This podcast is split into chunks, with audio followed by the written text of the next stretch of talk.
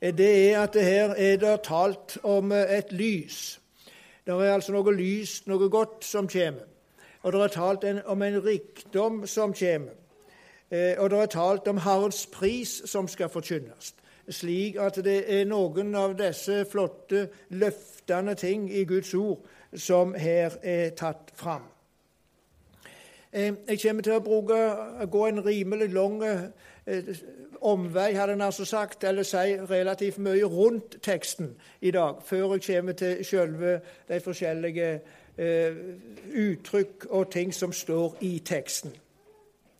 Fordi noe av problemstillingen eh, når vi leser tekster av denne typen fra de profetene i Det gamle testamentet, det er jo egentlig å finne ut av i hvor stor grad taler den inn i den aktuelle situasjonen i Israel, der den ble skreven, og der den ble talt inn. Og i hvor stor grad og på hva måte taler den til oss i vår tid, med tanke på den kristne menighet og med tanke på, på det som hører selve frelsen i Kristus til. Og så er det vel kanskje slik at han taler noe om begge deler.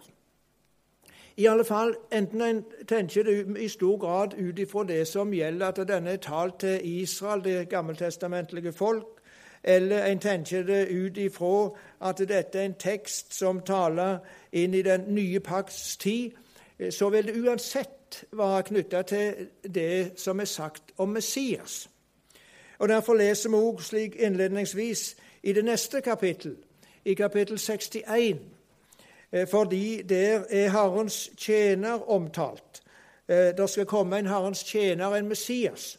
Og Vi leser også der de første seks verser.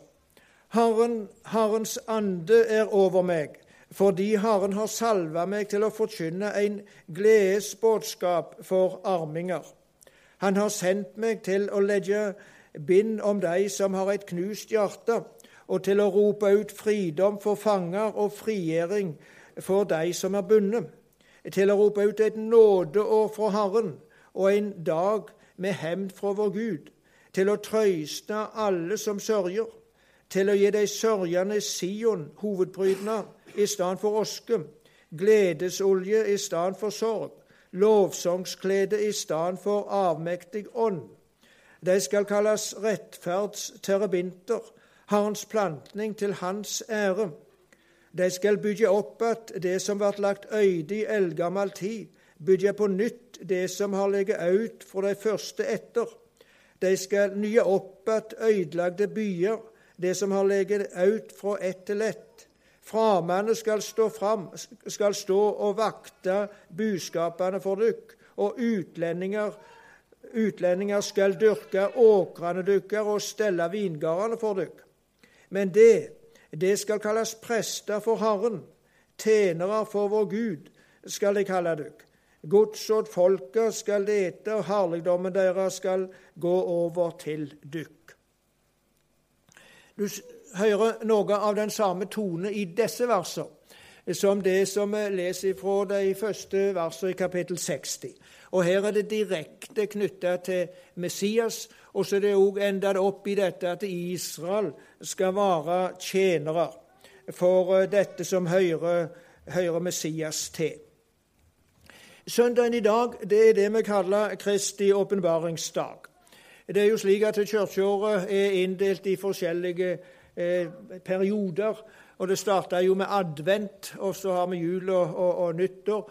Og nå er vi inne i en periode på en måned og halvannen eller to, seks, fem, seks, sju søndager, hva det er, som vi kaller Kristi åpenbaringstid. åpenbaringstida som altså starta med denne søndagen i dag, som er Kristi åpenbaringsdag. Og så når denne tida er omme, da er det litt forskjellige søndager før vi kommer inn i fastetida og det som gjelder påskehelga. Og I åpenbaringstida så er det slik at tekstene legger, fram, legger vind på å få fram ulike sider ved Gud, eller ulike sider ved Jesus. Og i dagen i dag legges det stor vekt på å få fram Jesu guddommelige eller evige opphav. Eh, og med det så er det som er knytta til inkarnasjon og òg disse vismennene som vi har hørt om, som kom for å se dette barnet, det står sentralt på denne dag. Og I tillegg er det slik at denne dag og hele åpenbaringstida fokuserer i stor grad på misjon. Misjon som egentlig er dette, altså, at Jesus åpenbarer seg for, for verden til frelse. Altså selve dette åpenbarings, åpenbaringsperspektivet. At noe som var ukjent, blir gjort kjent for oss. Det er jo avgjørende for i alt misjonsarbeid. Altså, Vi trenger den åpenbaring fra himmel for å få greie på hvem Gud er, hvem Jesus er, eh, og hvem vi er i forhold til Han, og hvordan Hans frelse er. Derfor selve dette åpenbaringsperspektivet som ligger i denne tida, det er et sterkt element inn i det som har med misjon å gjøre. Og Vi knytter òg nå til noen av, eh, en av de sterkeste og mest kjente tekster som nettopp dreier seg om, eh, om inkarnasjon, dette at Jesus, Guds sønn, blir et menneske, og som òg bærer i seg denne dimensjonen at han viser oss hvem Gud er, åpenbarer hvem Gud er. Eh, og Det finner vi altså i Johannesevangeliet, i kapittel 1, i denne såkalte prologen, som begynner, som dere sikkert vet, med å si i opphavet var Ordet, og Ordet var jo Gud, og Ordet var Gud. Dette er òg navnet på Jesus, Ordet, det er et slik et åpenbaringsuttrykk om hvem Gud er et åpenbaringsuttrykk for hvordan Gud ved Jesus som ordet gir seg til kjennes, viser seg, åpenbarer seg for oss. Eh, og denne, Dette at Jesus er ordet, dette at han er lyset, dette at han er livet, er knytta sammen. Og Hopper vi ned til vers 9, så heter det det sanne ljoset som gjev ljos til hvert menneske, var i ferd med å komme til verden.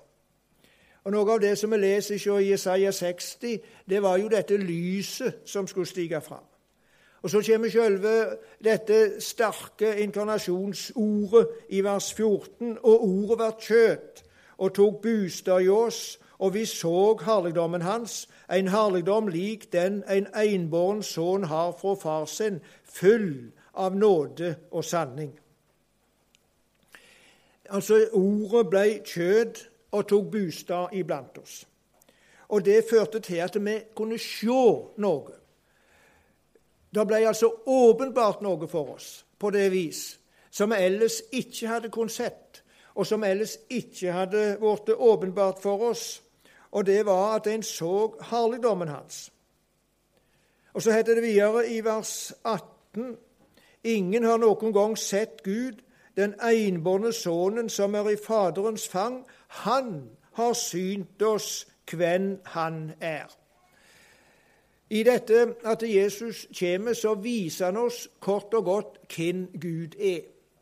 Det lærer vi å kjenne gjennom hele Jesu liv, gjennom hele, all Jesu gjerning, og aller mest gjennom Jesu lidelse og død og oppstandelse, så lærer vi hvem Gud er, og lærer Han å kjenne. Og i denne åpenbaringstjenesten, eller denne åpenbaringsfunksjon eh, og denne åpenbaringsgjerning som er knytta helt eksplisitt til Jesus som ordet, den er det òg både apostlene og profetene står i tjeneste for. De er det vi kaller åpenbaringsformidlere eller åpenbaringsbærere.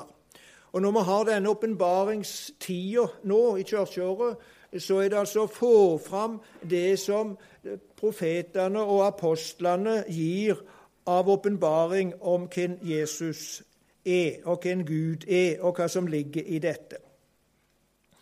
Og så har vi Nå leser da et avsnitt fra profeten Jesaja. Eh, men profeten Jesaja er jo ikke den eneste av disse profetene. Og Vi har jo en god del profeter som vi møter i disse historiske bøkene, i, i kongebøkene, og krønikebøkene og Samuelsbøkene og disse plassene. Og så har vi på slutten av vår bibel vet dere, ei hel rekke med bøker som vi kaller eh, profetbøker. Altså Profeten Jesaja begynner det med, og så er det flere utgjennom, så ender det opp med Malaki. Og Alle disse profetene som har sine egne profetbøker, de er altså samla imot slutten av vår bibel. Og så er det slik, og det er det som kan være med og, og, og hjelpe oss når vi skal lese disse tekstene og lese disse forskjellige profetene, at alle av disse profetene de er knytta i sin tid til den perioden når Israel som rike var delt i to. Vi hadde jo Israel, vet dere, ifra starta jo helt tilbake til Abraham og går gjennom Egypten og, og, og og, og, disse forskjellige dommerne og, konger etter hvert. Men når du kommer til ca. år 900, så blir jo Israel delt i to. Og vi får eh, dette såkalte Nordriket, som er hele tiden den nordlige del av Israel, og som består av ti stammer. Og så får vi det såkalte Sørriket, som bare består av to stammer, og i den, med andre ord sør, i den sørlige del av, av Israel, eh, og som også kaller for Judariket. På et eller annet vis så taler disse forskjellige profetene inn i den situasjonen som nå er med dette delte riket. De taler delvis om at israelsfolket vil komme til å bli fordreven fra sitt land, eventuelt komme i et eh, fangenskap, eksil, om de ikke vender om ifra sine synder. Men så gir de samtidig en del frelsesløfter knytta til dette. At disse som blir drevne bort, de vil Herren ikke glemme. Han vil kalle de til seg igjen og kalle de tilbake til sitt land. Og med det så er det liksom to dimensjoner i det som disse profetene forkynner. Fra ei side så forkynner de dom, og da dom over Israel på grunn av Israels sine synder. Og så kaller de, de med det til omvendelse. Og det er samtidig formaningsord og domsord til oss som vi skal ta inn til oss, og ikke bare si dette var historisk, men steller vi oss slik som Israel stelte seg i sine synder, så vil det på tilsvarende vis komme dom over oss som det kom dom over deg. Og På andre sida så forkynner de et frelsesbudskap. Et frelsesbudskap for Israel, altså for det jødiske folk, at Gud vil for, ikke glemme dem, men vil ta seg av dem og vil kalle dem tilbake til Israel. Og Samtidig der ligger der i dette frelsesbudskapet òg et budskap om at det skal komme en Messias, en Herrens tjener. Det skal komme et Guds rike. Det skal ende opp i en herligdom, i den evige frelse på den nye jord. Og I det så ligger det òg et misjonsbudskap om at dette må forkynnes for alle folk. Og Når det så gjelder profeten Jesaja, som vi nå har lese, lese et lite avsnitt, eller to korte avsnitt ifra, så er jo det ei forholdsvis omfattende bok. På hele 66 kapittel er det vel det er i, i denne boka. Jesaja han eh, levde en sli, cirka, eller virka ca. 700 år før Kristus. Litt før og litt etterpå. Eh, og han talte Eh, delvis til dette Nordriket og delvis til dette Sørriket, som jeg nevnte. I de 39 første kapitler så taler, taler Jesajas til dette Nordriket og sier at eh, om de ikke omvender seg, så vil de gå til grunne. Og Så skjer det på 700-tallet ved at, eh, at asyrerne kommer og tar dem. Og så taler han i forlengelsen av det fra vers 40 til 55 til Sørriket og sier at dersom dere ikke omvender dere, så vil dere bli fordreven ut av landet, og dere vil komme i fangenskap. Og Det taler Jeremia særlig mye om. og Dette fangenskapet eller eksilet i Babylon. Men han sier samtidig at de skal komme tilbake ifra dette. Eh, når det gjaldt eh, Nordriket, så var altså det som skjedde med dem, skjedde på eh, Jesajas tid. Det som gjelder Sørriket, det talte Jeremia til Sørriket et par hundre år omtrent, 150 iallfall, før det skjedde. Men så ser, ser vi at det skjer. Og I den sammenheng når han sier at de skal bli ført bort til Babel, så sier han òg de skal komme hjem igjen. I, vers, I kapittel 48 heter det vers 20.: Dra ut av Babel, røm for kalderene. Forkynn dette, fortell det med jubelrøyst, sprei deg ut til enden av jorda, si, Herren har løyst ut Jakob, tjeneren sin. Det tales det om at de skal forlate Babylon lenge før de kommer til Babylon, og med det enda lenger før de, det faktisk skjedde. Den siste del av boka, ifra kapittel 56 og ut, ut til 66, der vår tekst står, altså, der tales det om forhold og problem i det israelittiske samfunnet etter at de har vendt tilbake fra Israel. Altså, Da taler han inn i den situasjonen som er og taler lenge før det skjer, altså, inn i den situasjonen som oppstår i Israel etter de har vært i Babylon og, og er kommet tilbake til Israel. Og I den sammenheng er det vårt, vår, våre, vår tekst står. Og Da er det altså talt om at da skal det skje, midt i alle problemene som er, så skal det skje noe stort, noe rikt, noe byggende. Noe som på den tid dette ble sagt, antagelig syntes helt urealistisk kunne skje. Noe som, som egentlig var, var, var, måtte være en drøm, bare.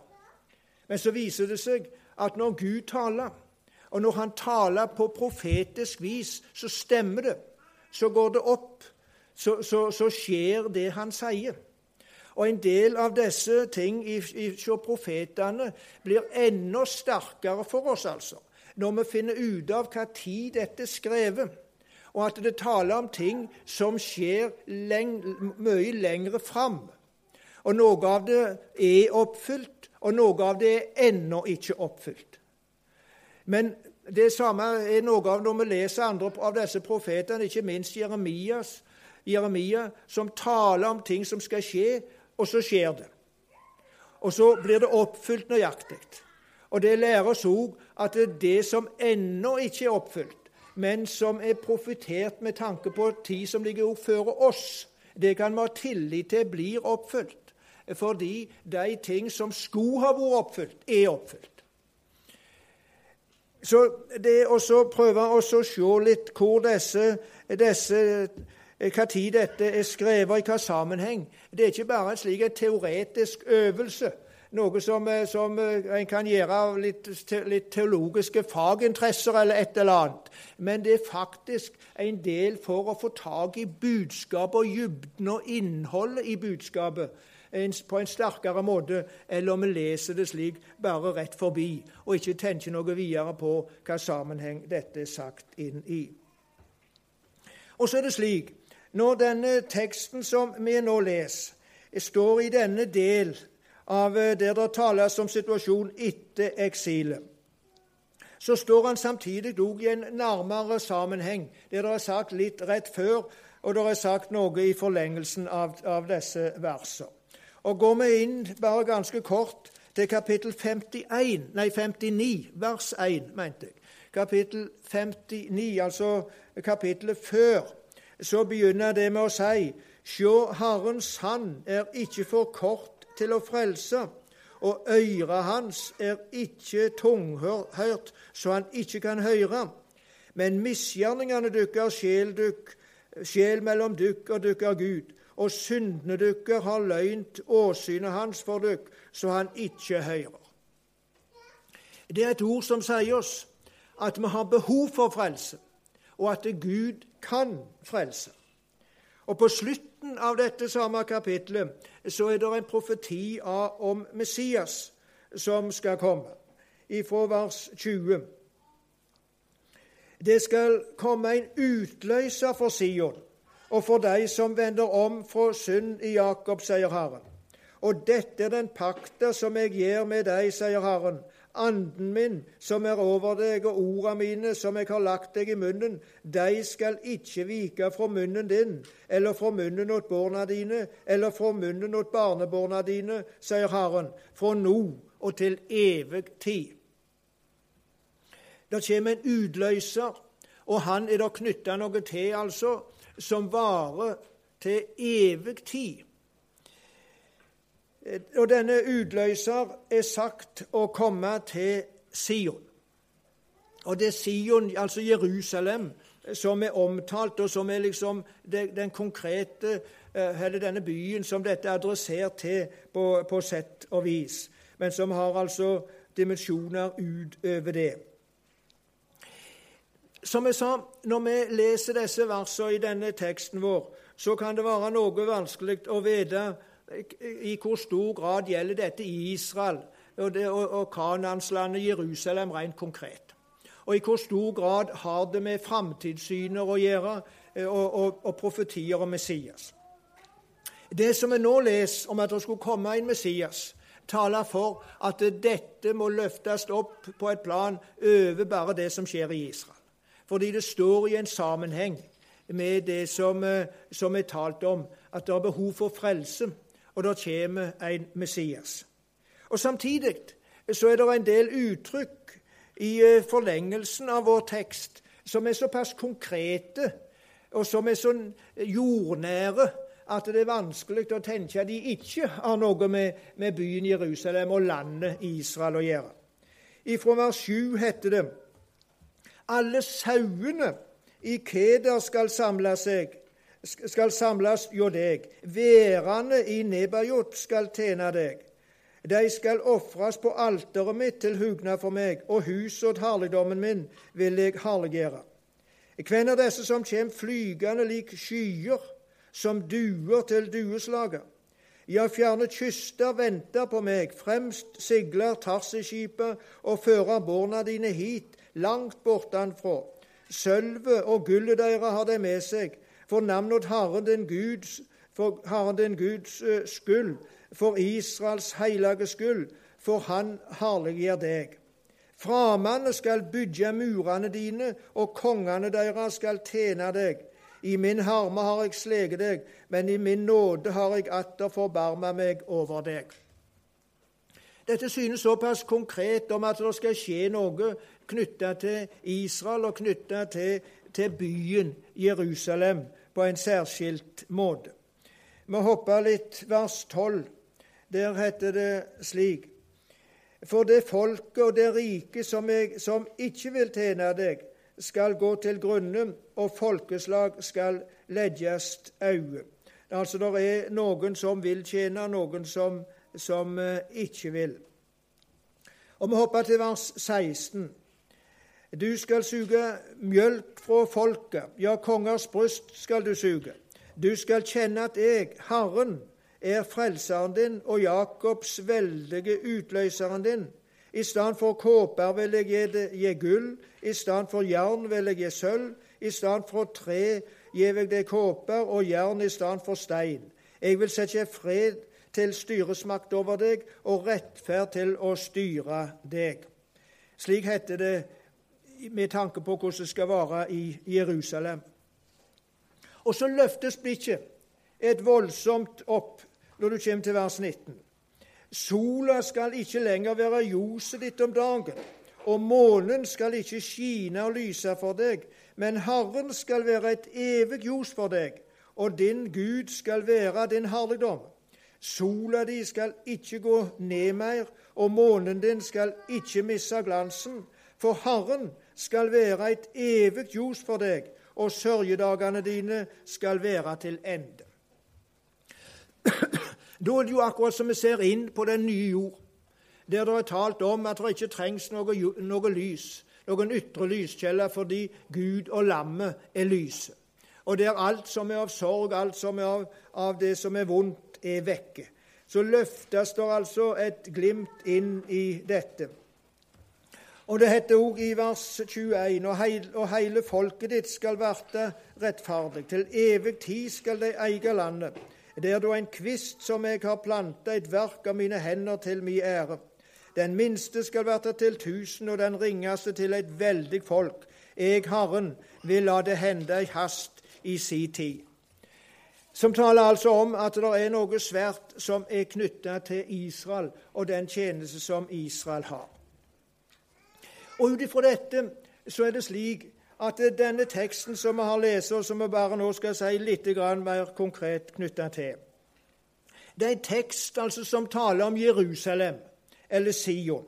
Og i vers 14 eh, så er det sagt at det er Sion. De skal kalle deg Herrens by, Sion, som hører Israels hellige til. Det taler altså om Israel, eller, eller Sion, Jerusalem, sin posisjon og sin funksjon. Og Det er kalt at denne by, sagt at denne byen er Herrens by. Og sagt, samtidig er det sagt at den hører de, de hellige til. Det er altså en by Det er sagt noe knyttet til den byen som er viktig med tanke på Herrens gjerning, og med tanke på det han gir til sitt folk. Det hører de hellige til. Sion, når dette begrepet Sion er brukt, og det er brukt veldig mange ganger i Det gamle testamentet eh, og Vi finner det i sangskatten vår òg en del brukt rent lyrisk, dette, dette ordet Sion for Jerusalem. Så er det talt om Herrens nærvær. Det er talt om Herrens frelse, om Herrens makt og om Herrens omsorg. Slik at det, det, står ikke bare som noe som gjelder Israel, og hvordan Gud vil handle med det jødiske folk, men det står for noe som sprenger rammene for det. Og det sprenges absolutt ved at livet på den nye jord er talt omtalt som det nye Jerusalem. Det nye Jerusalem det peker altså tilbake på at det er et gammelt Jerusalem et, et gammelt Sion. Vi kunne i slik sett altså ha sagt det nye Sion, med tanke på det som er på den nye jord. Og som sier oss at det var noe knytta til Sion. Det var et tempel i Sion. Det var en offertjeneste i Sion som vitna om at det skulle komme en Messias, der det skulle reises et kors i Sion. Og Jesu kors det er reist der altså i den samme byen der tempelet var, og der de ofra. Det er reist i den byen og på det berget der eh, Abraham skulle ofre sin Isak. Det er et gammelt Sion. Og dette viste fram imot det som skulle skje med Jesus, og som ender opp i det nye Sion, det nye Jerusalem, som er livet på den nye jord. Og da er det ennå til slik at det der er brura, Guds folk, omtalt som dette nye Jerusalem. Og som sier oss at alt som kan knyttes til begrepet Sion, og det lys som skal skine, og det Guds nærvær som skal være i Sion, det ender opp i det som Guds folk er på den nye jord, i det en har del i Guds herligdom på den nye jord. Og I denne sammenheng så er det altså det begynner med å si stå opp hvert ljos, for ljoset ditt kjem, og Herrens herligdom går opp over deg. Det er altså et eh, Det skal bli lys, og det skal lyses. Det er knytt til Herren. Lyset er knytt til Herren og til Hans herligdom og til Hans frelse. Det taler altså om åpenbaring, et åpenbaringslys som skal vise hvem Jesus er, og hva han gjør, og hva han kommer med, både for Israel som folk og for, eh, med tanke på misjon og frelse for alle folkeslag. Det er sagt sjå mørket dekker jorda, og det legger bekmørke over folket. Men over deg skal Herren renne opp, og over deg skal herligdommen hans åpenbare seg. Da Gud skapte, så het det at det mørket lå over jorda. Og så sa Gud 'bli lys', og så ble det lyst. Når israelsfolket skulle føres ut av Egypten, så var det mørke over, over egypterne og lys over Israel. Så kommer Jesus som selve lyset. Og så står det hele i dette perspektivet det var et syndefall som førte mørket over jorda. Men så kommer det et Guds rike. Herren men over deg skal Herren renne opp, Guds rike som kommer. Over deg skal herligdommen hans åpenbare seg. Folkeslaga skal fare til ditt ljos, og konger til den glansen som har rundet over deg. Her er det også talt om at det er et sammenheng mellom det som gjelder Israel, og det som gjelder de forskjellige folkeslag. altså mellom jøder og hedninger. Det heter seg at folkeslag skal fare til ditt lys. Det er altså skinner et lys i Jerusalem, som er, frelsens lys. Og det er det lys som alle folk trenger. Og det er dette som ligger i at når Abraham ble utvalgt, og det ble sagt til han at i deg skal, så, så, i deg skal velsignelsen vare, sier Ester, og i deg skal alle folkeslag bli velsignet.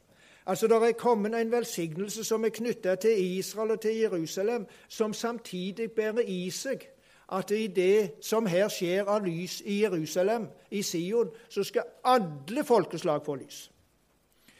Og Når det heter om Jesus i Galaterbrevet at han ble en forbanning for vår skyld, så forklarer Paulus det med å si at dette skjedde for at det skulle skje det som var sagt til Abraham, at i deg skal alle folkeslag bli velsigna. Slik at det er en indre sammenheng mellom det som er knytta til Jerusalem, Sion, i Det gamle testamentet, og det som gjelder sjølve frelsen.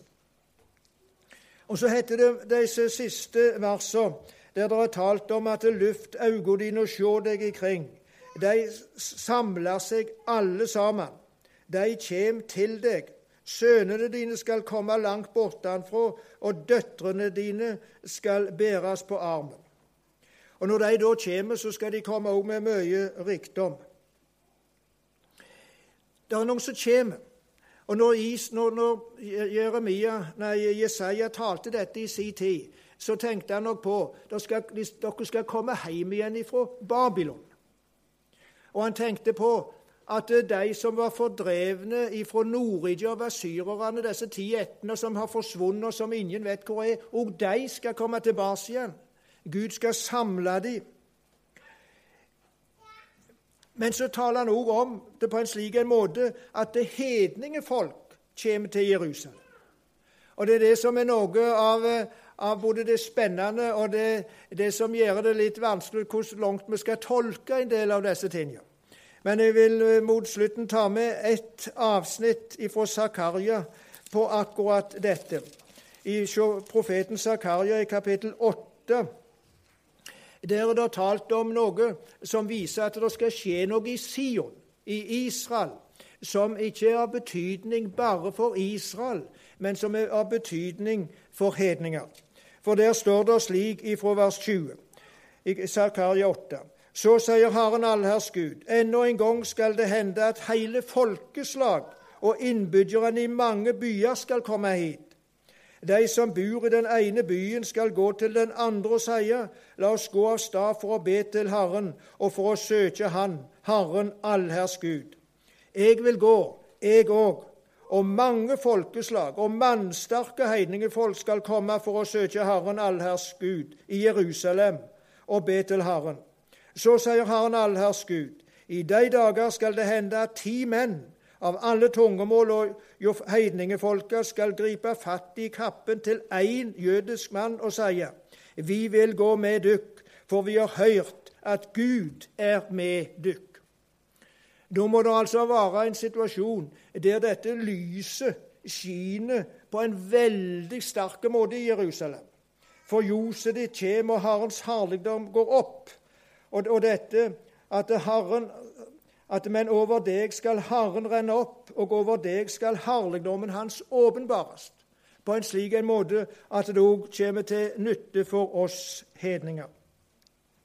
Og det ender opp i dette at Herren blir prist. Det siste setningen som er lest, den, den lydde slik, altså i, i vers, vers 6. Og Herrens pris skal de forkynne. Herrens pris skal bli forkynt. Og i det så ligger òg selve misjonsarbeidet. Og Dette taler både om Israel, det som går ut ifra Israel, og det som gjelder Messias. Og det taler om Herrens ære. Og Da leser vi helt til sist et eh, to-tre vers fra en eh, en av disse, disse sangene om Herrens tjener, som kanskje samla i seg noe av dette, hvordan Herren blir prist ifra alles folkeslag, og at det selve Herrens pris er å finne i Jesus sjøl. For der heter det slik i kapittel 49 og vers 1.: Hør på meg, fjerne kyster, og gjev akt det folk langt borte. Herren har kalla meg fra mors liv, navnet mitt har han nevnt fra mors fang. Slik altså taler Jesus profetisk. Og så heter det fra vers 5.: Og nå, sier Herren, som fra mors liv har laga meg til, laga meg til tjener for seg, for å føre Jakob ende til Han, og samle Israel for Han. Og jeg er æra i Herrens øyne, og min Gud har blitt min styrke. Han sier, det er for lite at du er tjeneren min til å reise opp at Jakobs etter og føre den frelste resten av Israels attende. Så vil jeg da gjøre deg til et ljos for heidningefolket, som i frelse må nå til enden av jorda. Så sier Herren Israels utløser, Israels hellige til Han som hver sjel vanvører, til Han som folket avskyr, Han som tjener deg som herskere. Konger skal sjå det og reise seg. Fyrster skal sjå det og kaste seg ned. For Herrens skyld, som er trufast, for Israels skyld, som valgte deg ut.